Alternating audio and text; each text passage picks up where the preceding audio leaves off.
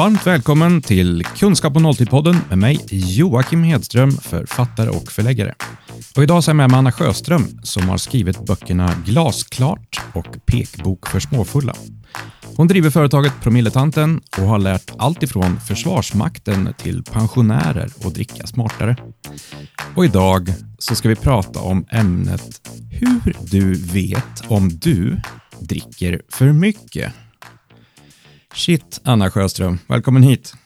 Hur vet jag om jag dricker för mycket? Redan där så fick eh, en del av de som började lyssna på det här avsnittet jätteont i magen.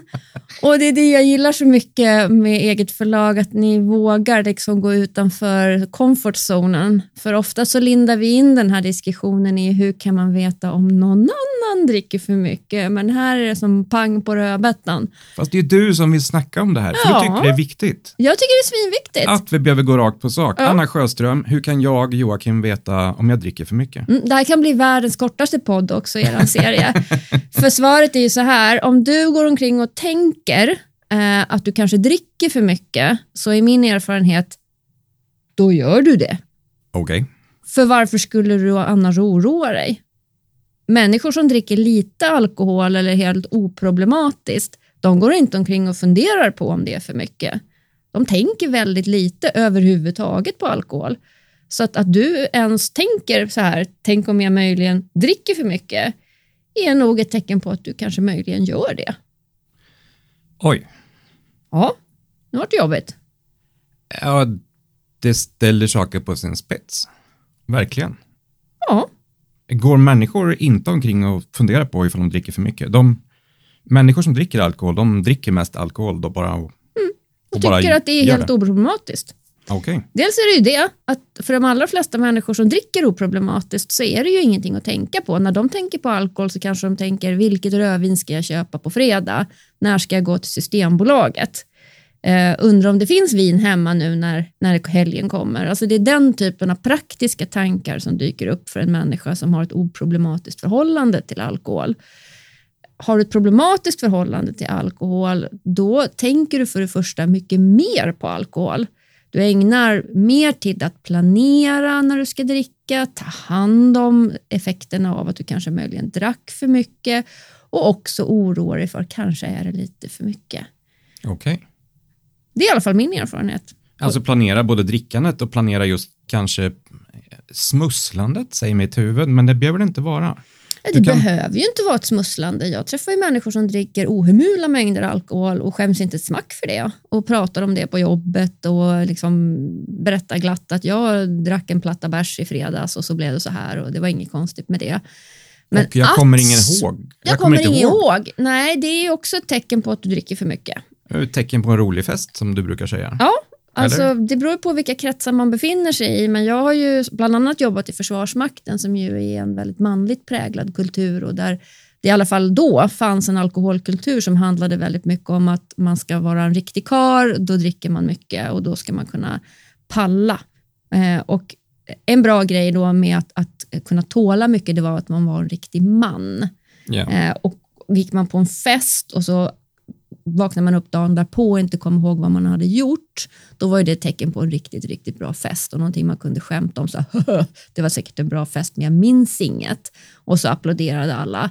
Det som i praktiken har hänt, om det här är mig, om det här är jag som råkade ut för den här minnesluckan igår kväll, det var ju att jag drack mig upp till en så hög promillehalt att min hjärna inte kunde lagra minnen i långtidsminnet längre. Alltså för min, minnena fördes inte över från korttidsminnet till långtidsminnet. Och för att kunna, kunna uppleva en minneslucka så måste man vara hyfsat bra på att dricka alkohol. Alltså det är inget nybörjarmisstag. Du behöver ha en hög promillehalt och de flesta som har en hög promillehalt de dricker på riskfyllda nivåer. Eller har då olyckligtvis fötts med den förmågan. För så kan det ju också vara att man är född med en, med en hög tolerans. Men oavsett så, så, så har jag varit med om en, med en minneslucka då, då kan man nog vara ganska säker på att man kan svara ja på frågan. Dricker jag för mycket? Åtminstone gjorde du det den kvällen. för jag, har, jag har två minnesluckor från mitt liv. Mm. Jag, jag dricker väldigt lite alkohol, för jag, jag gillar smaken, men jag tycker inte om effekten, så att, vilket är så skönt för mig. Mm. Men jag har två tillfällen. Em, en blev en väldigt rolig historia som jag fick berätta dagen efter, men det var ju verkligen sak på sak på sak på sak på sak som hade hänt. Mm. Jag kommer från Värmland, jag var hemma hos en vän, firade jul, drack hembränt Mm. och sen vaknade jag upp dagen, dagen därpå. Och du kommer aldrig få tillbaka det där minnet, för det har aldrig lagrats. Nej, jag får ju bara lita på att alla Ja. de här sakerna som jag pysslade med, Mm. liksom, som jag tycker är en rolig historia. Jag tyckte det var en rolig historia ända fram tills jag träffade dig. Mm. Den var superrolig. Den har massa bisarra detaljer som bara, vad sa du att jag gjorde, sa du? Och så ringde jag runt till människorna som var med och så fyllde de i liksom, jo, jo, men du spillde ju en kanna med vatten ytterligare i skorna också innan du sprang ut i strumplästen. Mm. Jaha. ja det kanske jag gjorde. Och det kan ju vara en rolig historia. Och det är, det som är, så, det är därför jag gillar att jobba med alkoholfrågan, för den är ju både och. Alltså, det kan vara det roligaste roliga. Du träffade kanske din fru under en blöt krognatt och du var så full den kvällen att du vågade bjuda upp henne. Det hade du kanske aldrig gjort om du inte hade druckit alkohol.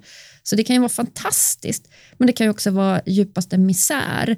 Jag glömmer aldrig den här unga tjejen som kom in på min mottagning. Jag är också coach, så jag träffar ju människor som oroar sig för om de dricker för mycket. Och när jag frågade henne, ung framgångsrik tjej, ehm, eh, kanske 30-årsåldern, eh, på alla, sätt, alla, alla signaler var bara framgångsrik, snygg, rik. Sådär.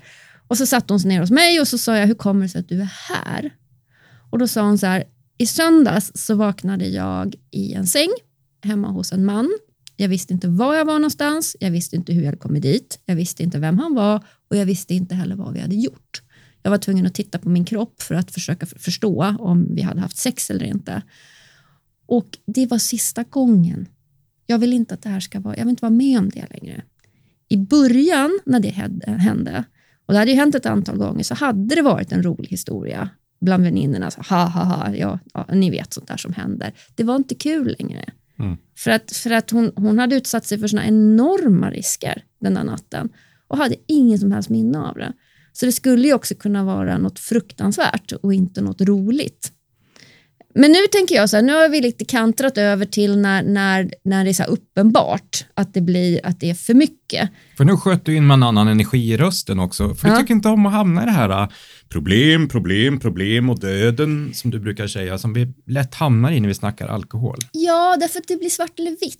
Ja. Alltså, det är som att det bara finns två olika typer av drickande. An- när jag skrev min första bok som var, som var riktad till människor som dricker för mycket, riskkonsumenter, så hade jag en chef som tyckte att det var den dummaste idén han hade hört i hela sitt liv.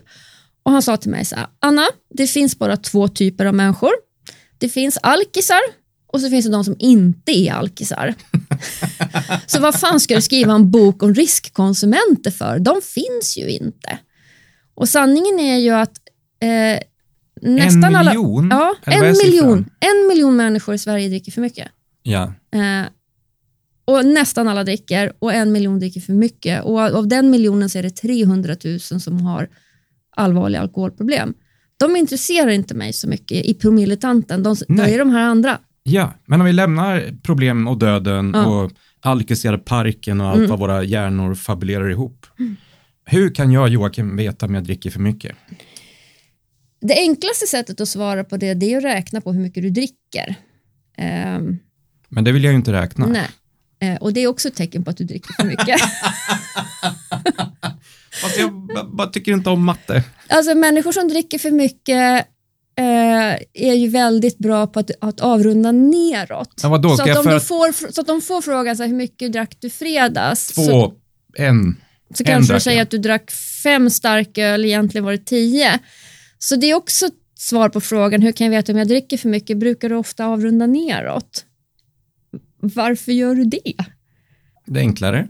Ja, men om du dricker två glas vin på fredag och jag frågar hur mycket drack du så kommer inte du avrunda neråt. För det känns ju inte som pinsamt att berätta att du drack två glas vin med din fru. Två känns helt okej. Mm. Som i, vi tog ett glas till maten och sen så kollade vi på en film och så tog jag ett glas till. Men om det var så att du drack tio Till maten. ja, och jag frågar, då kanske du säger fem. Så det, är också Ja. det skulle kunna vara ett tecken på att du dricker för mycket, att du rätt ofta eh, avrundar neråt, både i ditt eget huvud eh, för dig själv, men också att du avrundar när andra frågar. För det här, det här har du sagt, det, det är det som är spännande när det görs undersökningar. Ja, Inte sant? gör inte det. Gör det inte. Alltså, om, man gör, om man gör anonyma enkätundersökningar på en arbetsplats eh, och frågar människor hur mycket de dricker, då svarar de, för det första så är det ungefär bara hälften som väljer att svara på en sån enkät, så det är ett väldigt stort, liksom, vi vet inte vad, hur de andra dricker, men de som svarar, eh, de svarar ungefär 50 procent av den verkliga konsumtionen. Så att om man liksom tar de siffrorna om hur, hur de uppger att de dricker och så lägger man dem bredvid statistiken på hur mycket alkohol som säljs i Sverige så är det något som inte stämmer. Så det är ingen idé att göra sådana studier faktiskt. Ja. För att, för att vi, och det gäller nog inte bara folk som har problem med alkohol, utan att vi vill helst inte riktigt kännas vid. Vi, vi vill ju inte riktigt kännas vid hur lite vi tränar heller, eller hur mycket choklad vi äter på riktigt så. Så, så att det är lite pinsamt det där. Uh, men, men, uh, så första... Jag, ja, men jag var inne på den där tanken om att räkna. Ja.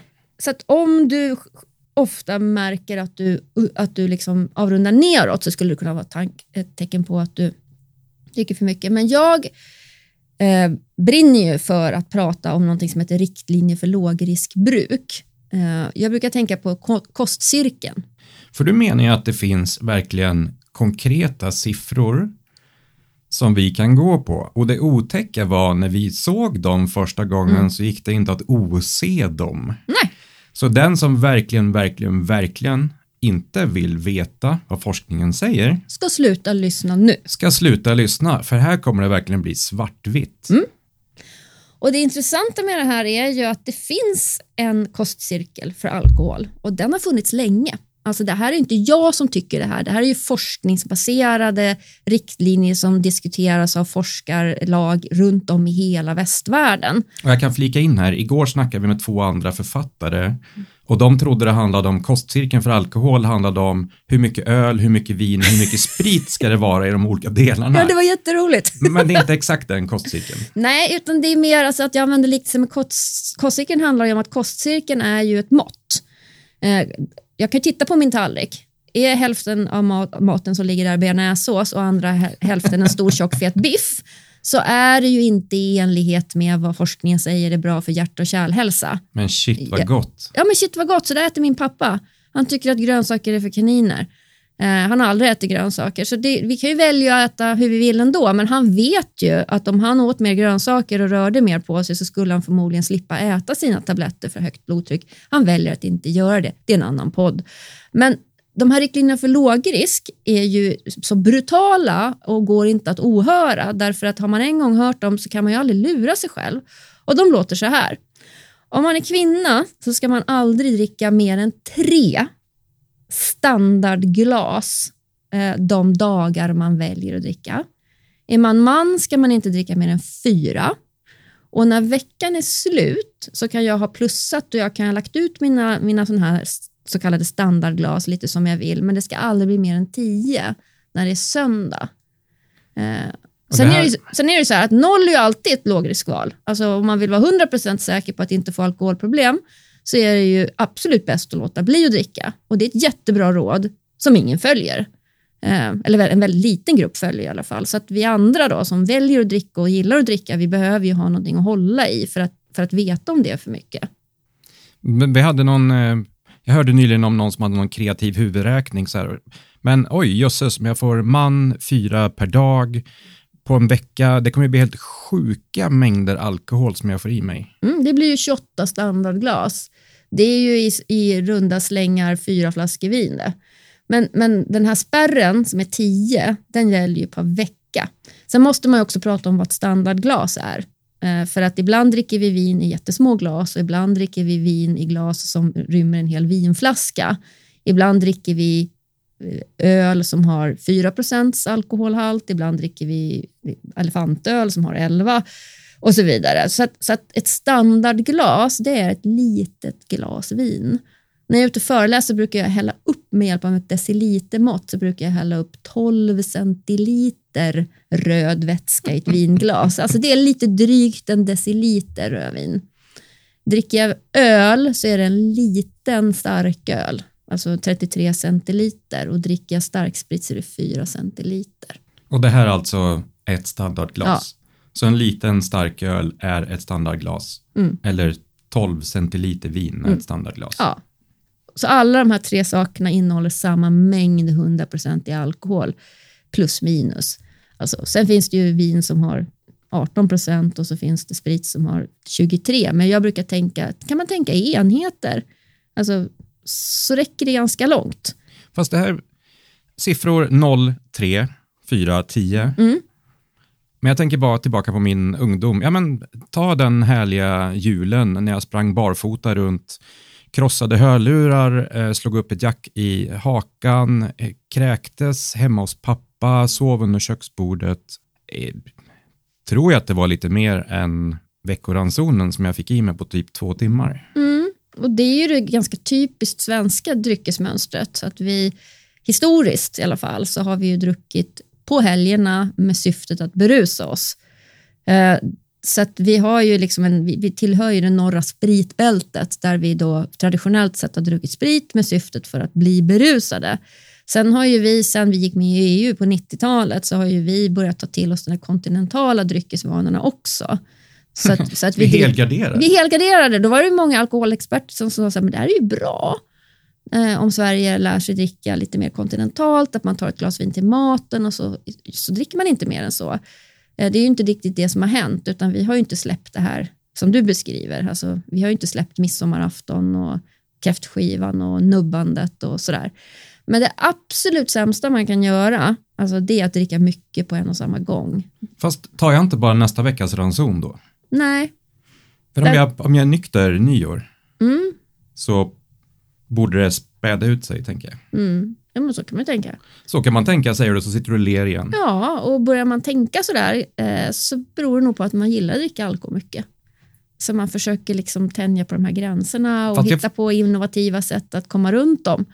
Ja, eh, så det. det behöver inte nödvändigtvis bety betyda att du dricker för mycket, men du gillar att dricka. Eh. Men jag tänker att det är kreativt drickande. Mm. Om det nu finns siffror som jag måste förhålla mig mm. till, och så finns det några tillfällen per år när jag verkligen festar loss och så mm. dricker jag ingenting emellan där. Mm. Jag kommer ha hur mycket siffror som helst mm. över när året är slut. Och då är ju den, den trista nyheten eh, att det absolut sämsta vi kan göra för våra kroppar det är att dricka mycket på en och samma gång. Eh, vi vet att gör man det så ökar risken för där och då eh, olyckor. Alltså du hade ju, det verkar ju inte, inte som att du gjorde någon annan illa den där natten som du inte kommer ihåg. Men när vi är så där berusade så finns ju risken för olyckor, eller att du gör någon annan illa eller att du sårar någon annan. Al att alko alkoholrelaterade olyckor är ju den vanligaste dödsorsaken för alkohol upp till 45-årsåldern. Det är ju inte skrumplever, eh, utan det är ju saker som vi gör, för, som vi aldrig skulle ha gjort om vi inte hade haft för mycket alkohol i kroppen.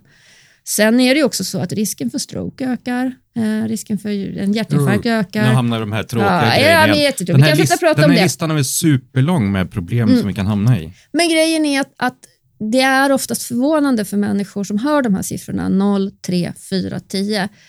Eh, därför att vi har ju fått lära oss i Sverige att det är bättre att man super till på helgen eh, och inte dricker i veckorna. Men i själva verket så, så, är det ju faktiskt så att, att våra lever som är det centrala organet här tycker bättre om att vi dricker lite ofta. Men du har ju en jämförelse, samma gång. Du har en jämförelse i boken med mm. ett handfat mm. som du vräker ner vatten i. Mm. Vad är det för något? Jo, men man tänker sig hur funkar levern? Så tänker jag så att, le, att, att levern, levern är ju den, det organet som ska liksom bryta ner alkoholen och sen skicka ut resterna i kroppen. Och levern jobbar ju på i en viss hastighet. Vi kan inte påverka det så speciellt mycket hur snabbt eller hur, hur långsamt levern bryter ner. Och då brukar jag använda liknelsen med, med att tänk att du, att du tar en hink med vatten, så går du ut på toaletten och så häller du den här hinken med vatten rakt ner i handfatet. Vad händer då? Jag vet ju vad som händer. Mm. Det, det skvätter åt alla håll. Ja, och du blir blöt om fötterna. Ja. Därför att vattenlåset som sitter under handfatet hinner inte transportera all den här vattnet på en och samma gång. Större handfat tänker jag lösningen. Ja, det kan man tänka. Större vattenlås är egentligen det som är grejen. Ja. Gör du samma manöver, tar samma hink med vatten, du går till samma handfat och så ber jag dig hälla ner långsamt. Då blir du inte blöt om fötterna. Därför att då hinner vattenlåset transportera vattnet och det åker ner i avloppet. Och det här är ju precis samma sak som händer med alkohol. Om du dricker två glas vin långsamt en kväll tillsammans med en, när du äter mat tillsammans med goda vänner, då hinner din lever ta hand om det här. Eh, och du blir inte berusad och, och, och, kroppen, tål, kroppen klarar av det här på ett ganska bra sätt. Jämförelsevis med att du sparar ihop alla dina tio standardglas och så häver du ner dem på tre timmar på fredag. Då kommer inte ditt vattenlås klara det och då uppstår en massa andra konstiga effekter i kroppen. Fast vad du säger är att du är den tråkigaste personen i hela Sverige. Ja. Det, det låter som det, för att om jag, om jag får gissa, om jag, så fort jag blir berusad så gör jag något knas, eller? Nej, ibland när du är berusad så gör du säkert fantastiska saker. Jo, men att jag gör fel, bara när jag blir berusad så är det fel. Om jag ska säga, jag vet inte. När du blir berusad ökar risken för problem, så skulle jag uttrycka det. Så att om du dricker alkohol på ett sätt eh, som gör att du aldrig någonsin blir berusad så har du en väldigt låg risk till exempel för att utveckla ett beroende. Eh, och, och tillbaka till grundfrågan i den här podden, hur kan jag veta om du dricker för mycket eller hur kan jag veta om jag dricker för mycket? Ja, det är ju också en sån här grej kopplat till berusningen. Går det ofta på tok? Alltså vad händer när du dricker? Nu berättar, du, ja, men nu berättar du om två gånger där det har gått överstyr och du är 40 någonting? 46. Ja. Men om du är kanske 35 och varje gång du går ut och dricker så händer det skitkonstiga saker. Du hamnar i, i bråk, du eh, tappar plånboken, du super bort din telefon, du som, somnar i en soffa hemma hos någon som du inte känner, till, känner vem det är. Alltså, händer det hela tiden konstiga saker när du dricker så är det också nog ett ganska säkert tecken på att du dricker för mycket. Eller att du beställer hem paket, någonting som dyker upp två dagar efteråt på tröskeln hos dig och du funderar på vad är det här för någonting? Ja, där finns ju med i min bok som heter Pekbok för småfulla, det finns ju ett ord för det där och det är fylleshoppa. och det finns ju beräkningar på hur mycket den branschen faktiskt omsätter i kronor och öre. Fylleshoppingbranschen? Ja. Eh, I, i, Ursäkta mig, jag visste inte att det fanns en sån bransch. Jo då, och det finns beräkningar på hur mycket fylleshoppande faktiskt omsätter och det är enorma mängder pengar. Man kommer hem sent på kvällen, har druckit eh, några glas och så shoppar man saker som man egentligen inte borde ha eller, eller, inte hade råd med. Eh, så. Mm. Så, att, så, att det, så att det kan också vara ett tecken. Alltså, du kan ju räkna dina standardmått eller standardglas och så kan du säga okej, okay, dricker jag 10? Nej, det gör jag inte. 18 är inte 10. Så, så om att jag, för att försöka summera i någon form, om jag, Joakim, överhuvudtaget funderar på om jag dricker för mycket, så går det igång en liten plingi, plingi, plingi klocka hos dig. Mm, det gör det. För då blir min fråga, varför tänker du på det? För att, jag vet inte, för att det jag vet inte. Nej, jag kan och, inte säga det. Nej, och det kan ju vara... Det kan Men jag är komma, orolig. Ja, och, det, och, och, då vill jag veta var kommer oron ifrån? Den kan ju komma inifrån dig. En, ja. en, en, känsla av att någonting inte riktigt stämmer. Men det kan ju också vara så att någon har sagt något. Eh, en vän har någon gång sagt så här, fast du blir faktiskt inte så himla trevlig när du dricker. Eller du har kanske gått hos, varit på den årliga hälsokontrollen och plötsligt har du fått högt blodtryck. Och din läkare tittar på dig och säger, oh, men ha, kanske vi ska prata om alkoholvanorna här. Eller du har fått ett, ett, liksom ett magsår som du inte riktigt blir av med. Alltså någonting har kanske hänt som gör att det ligger där och molar. Eh, för, för igen, folk som, har, folk som dricker lite och som har en hel, helt oproblematiskt förhållningssätt till alkohol, de tänker inte speciellt mycket på alkohol överhuvudtaget. Ja, så först är om jag funderar på det mycket så kan det vara värt att stanna till och fundera lite kring det. Mm. Den andra är, hur ser min Excel-sammanräkning ut? Mm. Stämmer den med verkligheten eller mm. är det någon sorts önskebild? Mm. Vad är det mer som jag kan veta om jag dricker för mycket? Eh. Om jag går över dina fina siffror är väl en ganska tydlig gräns, eller? Ja, det, är ju, alltså, det behöver inte betyda, nödvändigtvis betyda att du har allvarliga alkoholproblem, men du dricker ju på ett sätt som gör att du riskerar att få problem om du dricker mer än 3, 4 eller 10. Problemet med de här siffrorna är ju att har du en gång hört dem så kan du ju aldrig lura dig själv att 18 är 10. Alltså, det, det kanske du kunde förut. Du, förut kanske du kunde tänka att 18 är väl inte så himla mycket, för jag har en kompis som dricker 32. Men 18 är definitivt mer än 10. Eh, jag tänker också, smyger du med din, mitt drickande? För det träffar jag ofta människor som gör. Eh, och då blir min fråga, varför gör du det? Alltså varför dricker du alkohol i garaget när, när barnen har gått och lagt sig och din fru sitter och tittar på TV? Varför står du och tar några öl i garaget? Man ska inte dricka alkohol framför barnen. För att alkoholen är ju farligare då, eller? Ja, jag vet inte. Åtminstone när det är jul så pratas det om en hel del om att alkoholen blir farligare plötsligt för att vi dricker den framför barnen på något vis, eller? Ja, fast det finns ju ingen forskning på det där. Nej, men... Alltså, Du vill ha mina förklaringar? ja. Inte ursäkter, utan förklaringar. Ja, nej men varför, varför smyger du med det? Alltså, Ja. varför, varför smyger du med ditt drickande? Om du, om du liksom fullt ut tyckte att du inte hade några problem och du, du står för att du gillar att dricka alkohol så skulle du inte stå i garaget och dricka. Den här frågan tycker jag är otäck på riktigt. Ja. Som i, men varför smyger du Joakim? Mm. Ja, mm, eh, Mm. jag vet inte, jag har ingen svar. Jag vet inte vad jag ska, jag vet verkligen inte vad jag ska svara i en sån situation. Om jag har krypit ut i carporten och står där och dricker alkohol. Mm. Det finns inget svar jag kan ge dig. Jo, men för att det är godare att dricka utomhus. För att det blir så svalt i carporten. Nej, och det, och, och, och det skulle ju en alkoholterapeut skulle säkert säga att det beror på att du har utvecklat alkoholism och du har jättestarka försvarsmekanismer. Det finns en fantastisk berättelse från eh, en bok som är skriven av den kvinnan som startade Nämndemansgården, Gittan Crawford. Det finns en scen i hennes egen biografi där hon står ute i garaget och halsar. Eh, nu kommer inte jag ihåg om det var sprit eller om det var vin, det spelar ingen roll. Men alltså, tänk dig bilden, hon står mitt ute i natten, det är mörkt i garaget och halsar alkohol ur en flas- flaska iklädd nattlinnet. Och så kommer hennes man. Ursäkta, jag skrattar. Jo men alltså jag- det blir ju dråpligt. För då Ja. kommer hennes man eh, ut, tänder lampan, hittar henne och säger men Gittan står du här och dricker? Och hon står där med flaskan i handen och säger nej, det gör jag verkligen inte. Eh, det är ju slutfasen. Alltså då har man ju utvecklat alkoholism. Då har man ju så starka försvarsmekanismer så att de slår till direkt. Mm. Men jag är ju inte en människa som skulle kunna stå här ute och halsa alkohol. Det fattar du väl? Är du dum eller?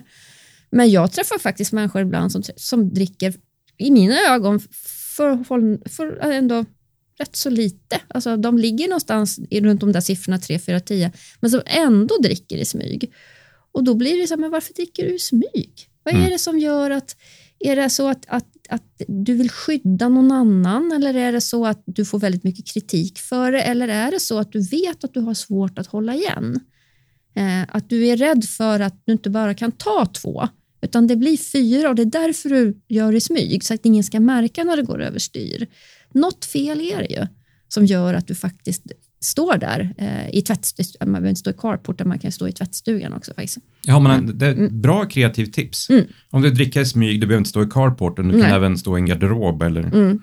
vad du har tillgång till. Eller du ett annat sätt att smyga med det, det är ju att till exempel ta med sig egen alkohol till festen eh, i en, en fickplunta eller bara smyga in det i alkoholförrådet för du är inte säker på att det kommer finnas tillräckligt mycket alkohol. Så du ser till att ta med dig eget. Det är också ett slags smygigt fast i andra änden. Liksom.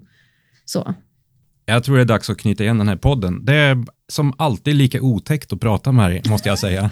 Sveriges läskigaste människa. S- Snudd på, skulle jag vilja påstå. Eh, Fantastiskt inspirerande och du är så skönt vardagsnära, vilket jag uppskattar. Och det är otäckt att prata med dig. Mm. Så supertack för att du kom hit. Anna Sjöström som har skrivit böckerna Glasklart och Pekbok för småfullar. Tack så mycket. Du har lyssnat till ett avsnitt på temat kunskap på nolltid. Om du gillar vad du hörde så hittar du fler poddavsnitt, e-böcker och även digitala utbildningar på kunskap